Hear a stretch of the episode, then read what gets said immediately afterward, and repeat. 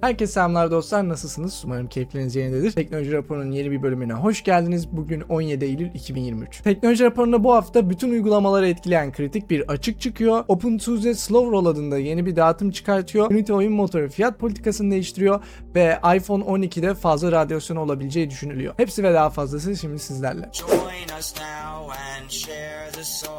OpenSUSE Slow Roll adında yeni bir dağıtım yayınladı. Bu dağıtımın amacı güvenlik güncellemelerini hızlı vermek, özellik güncellemelerini ise o kadar sık vermemek. Bir iki ayda bir vereceklermiş. Yani en azından okuduğum makalede öyle yazıyordu. Tam olarak bir ay mı yoksa iki ay mı bilmiyorum ama mantıken özellik güncellemeleri biraz daha geriden gelecek. Açıkçası bilemedim yani bu tarz şeyler hep kulağa hoş geliyor biliyorsunuz ama ben mesela Arch'tan uzaklaştığım zaman kendimi kötü hissediyorum. Dolayısıyla ben yapar mıyım bilemem ama e, siz ne düşünüyorsunuz? Sizce OpenSUSE'nin slow roll dağıtımı tutar mı? Fedora'nın 40. sürümünde KD'yi varsayım olarak Wayland'i kullanacak. Tabi dilerseniz yine giriş ekranından X11'i seçebileceksiniz. Wayland yavaş yavaş birçok dağıtımda standart oluyor gibi.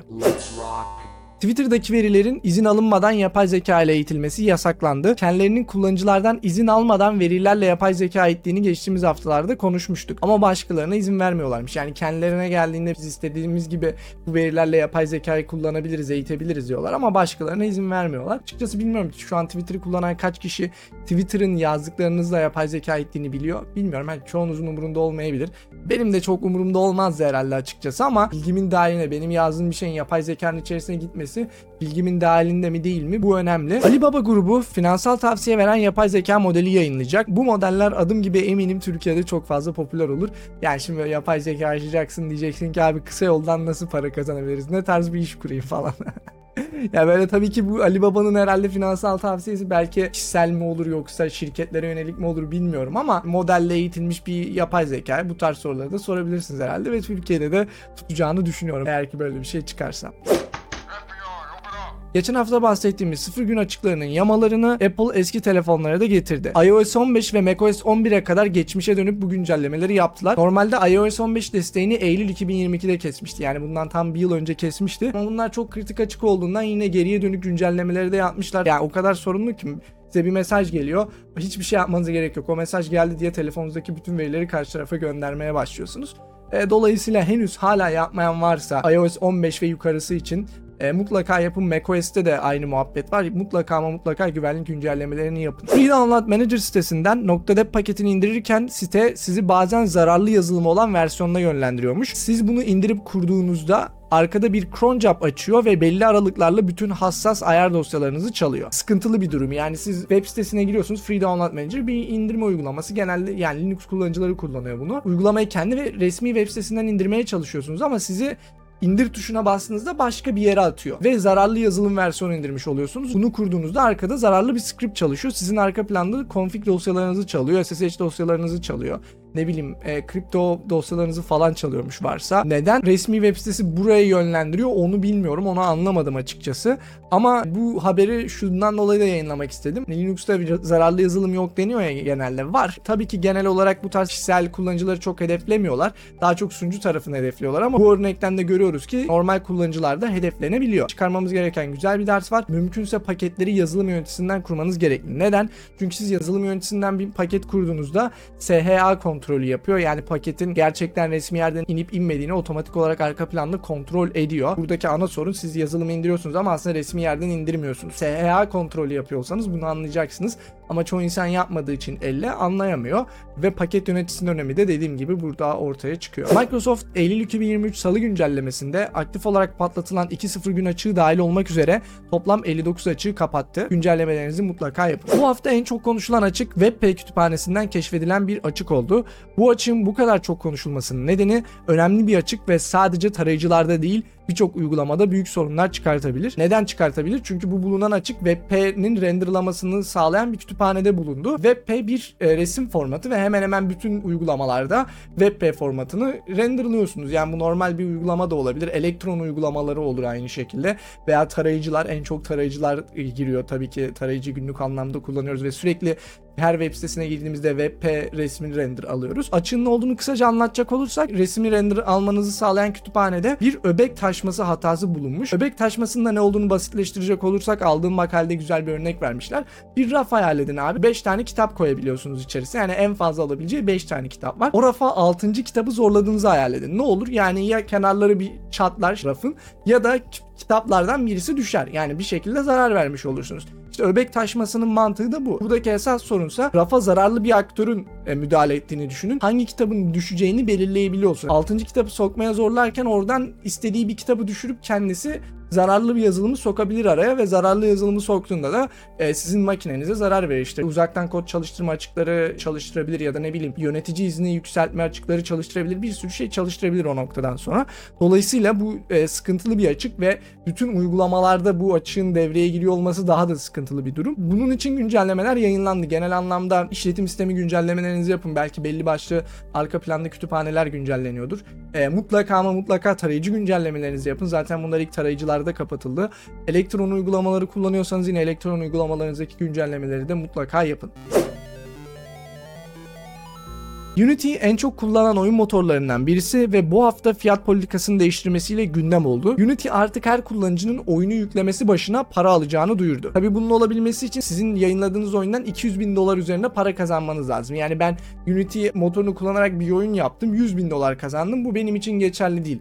200 bin doların üstünde para kazanırsam her oyun yüklemesi başından ek olarak para alacaklar. Yani şimdi oyun motorunu yeni giren insanlar normal falan diyebilir ama önceden böyle değildi. Yani Unity yıllardır var olan bir oyun motoru ve birçok oyun motoru da böyle bir fiyat politikası yapmıyor. Yani her yükleme başına düşünün yani ben bir kullanıcı olarak her sizin oyununuzu yüklediğimde siz para ödemek zorunda kalıyorsunuz. 0.20 dolar mı ne öyle bir şey olması lazım. Ama bu yöntemin sıkıntılı olmasının nedeni oyunu yükleyen kişiyi nasıl hesaplayacaksın? Yani soru işareti burada başlıyor arkada her Unity runtime kurulduğunda işte onu bir şekilde kendi kapalı algoritmalarıyla hesaplıyorlarmış. Tamam da abi ben belki o uygulamayı Corson olarak indirdim. O zaman onu da mı sayacaksın? Ya da hadi onu saymadın diyelim. E, ben uygulamayı sildim. Bir yıl sonra tekrar kurdum. Onu da mı tekrar sayacaksın? O da soru işareti. Ve bunu bu arada yasal olarak yap nasıl yapacaksın? O da yine soru işareti. Çünkü bazı ülkelerde özellikle AB tarafında bu tarz şeyler kısıtlı yapılabiliyor biliyorsunuz. Kaldı ki birçok oyun şirketi bunu hiç sevmedi yükleme başına para alması muhabbetini ve bu karardan vazgeçmezlerse Unity'yi terk edeceğini birçok oyun stüdyosu duyurdu. Hatta oyunlarının satışını kapatacağını falan açıkladı. Deme başına para ödememek için. Bakalım bu işin sonu nereye varacak? Unity geri adım atacak mı göreceğiz. Bu arada Unity hizmet şartlarındaki değişikliklerin yayınlandığı GitHub reposunu siliyor. Nedeni ise hizmet şartlarında kendi işlerine gelecek bir güncelleme yapmaları. Önceki hizmet şartlarında Unity'nin şöyle bir şartı vardı. Bizim yaptığımız bir değişikliği beğenmiyorsanız önceki sürümleri yani yeni sürümleri değil bu değişiklikten sonraki sürümleri değil de önceki sürümleri eski şartlarla kullanabilirsiniz diye bir hizmet şartı vardı Unity'nin. Tabi şimdi fiyat politikası değişikliği yaptı ve kimsenin hoşuna gitmedi. Hala bu şart geçerli olsa herkes o şarttan yararlanarak Unity'nin eski sürümlerini kullanacak. Ama Unity de bunu istemediği için tabii bu şartı kaldırıyor ve milletin haberi olmasın diye de kitap reposunu da silmişler yani o değişiklikleri gözlemleyen kitap reposunu. E, ama tabii yer mi Anadolu çocuğu diyeceğim de yakalamışlar yani. Bunun yakalanacağını hiç düşünmemişler mi bilmiyorum. Belki bu kadar büyük tepki geleceğini e, düşünmemişlerdi. Damn, son, where'd you find this? Geçtiğimiz haftalarda Windows 11'in Avrupa bölgesindeki kullanıcıların seçtiği tarayıcıya saygı duyacağını, bağlantıları zorla Edge'de açmayacağını konuşmuştuk. Bir arkadaş bu durumu test etmiş ve görünüşe göre Avrupa bölgesinde olsanız da Microsoft hala bağlantıları Edge'le açmaya zorluyor. Microsoft niye sözünde durmuyorsun? Hani Avrupa bak AB sana bir ceza daha yazacak aman diyeyim. Avrupa Birliği'nin mesajlaşma uygulamalarını birbiriyle çalışması için firmaları zorladığını konuşuyorduk. WhatsApp bu özelliği getirmek için çalışmalara başlamış. Eğer ki gerçekleşirse WhatsApp ile Signal'ı kullanabileceğiz mesela. Hani bilmiyorum tabii ki bu daha çok başlangıç aşamasında WhatsApp'tan net bir resmi duyuru yok ama Avrupa Birliği zaten uygulamaları bunu yapması için zorluyor ve ileride bu gerçekleşirse WhatsApp ile Signal'ı kullanabileceğiz ya da WhatsApp, Matrix, Signal hepsi bir arada kullanılabilecek belki. Tahminimce uçtan uca şifreleme gerekliliği olduğu için Telegram bu işin içerisine dahil olmayacaktır. Yani böyle bir şey aslında ütopya gibi geliyor bana. Güzel olur mesajlaşma uygulamalarının bu tarz bir standarda oturtulması ki normal şartlar altında işte Matrix'in yapmaya çalıştığı ya da XMPP'nin yapmaya çalıştığı şey de bu. Bakalım umarım böyle global bir standarda oturur ve biz de Mesela ben zorunlu değilsem WhatsApp kullanmam farklı bir şey kullanırım en azından. Netflix Türkiye ücretlerine zam yaptı. Artık en ucuz plan 99 lira, en pahalı plansa 199 lira oldu. Ortada kalan standart plansa 149 TL oldu. Netflix kullanmıyorum ama Türkiye piyasasındaki diğer rakiplerinin daha ucuz olduğunu biliyorum. Netflix kullanıcıları varsa siz zamlar hakkında ne düşünüyorsunuz? Meta Threads uygulamasında Covid-19 gibi terimleri engelliyor. Her ne kadar komplo teorisyencilerini sevmesem de bu tarz engeller de hoşuma gitmiyor. WhatsApp'a kanallar özelliği geldi. Bizim Telegram için kanalımız var. Yeni video paylaşınca bot otomatik olarak kanalda da paylaşıyor. WhatsApp kanalı da açalım mı ne dersiniz? Fransa'ya göre iPhone 12 modeli fazla radyasyon veriyor. Apple'dan 2 hafta içerisinde açıklama gelmesi gerekecek. Eğer ki düzeltilmezse bütün iPhone 12'leri toplama kararı gelebilir ve diğer ülkelerden de benzer hamleler gelebilir. Apple da bunun üzerine bir şey paylaştı ve dediklerine göre bu durum yazılımla çözülebilir. Normal şartlar altında iPhone 12 bütün ABD'nin veya diğer standartların yaptığı testleri geçmiş. Apple'ın paylaştığını söylüyorum. Ama işte Avrupa Birliği'ndeki standartların normalden yüksek olduğunu söylüyor Apple'a göre ve bunu bir yazılımla çözebileceklerini söylüyorlar. Bakalım bunu takip edeceğiz. İşler bir anda sarpa sarabilir. Bütün iPhone 12'leri toplama kararı gelirse özellikle böyle AB Birliği'nden Apple'a büyük bir zarar olur. Yani düşünsenize bütün iPhone 12'leri topla diyeceksin. Sattığın parayı bir de geri vermek zorundasın kullanıcına. Ama bakalım bu işin sonu nereye bağlanacak. Windows 11 ekran görüntüsü alma aracına OCR desteği geliyor. Böylece resimdeki yazıları kopyalayabileceksiniz. Aynısını Linux'ta kullanmak istiyorsanız NormCap diye bir uygulama var. Yani bu yıllardır var. Bayağı uzun bir süredir var diye biliyorum. Ben Hyperland'de Tesseract diye bir command line aracı kullanıyorum. Kısa yolu atadım otomatik çekiyor bende. Windows 11'e de bu özelliğin gelmesi güzel olmuş. Bence çok kullanışlı oluyor.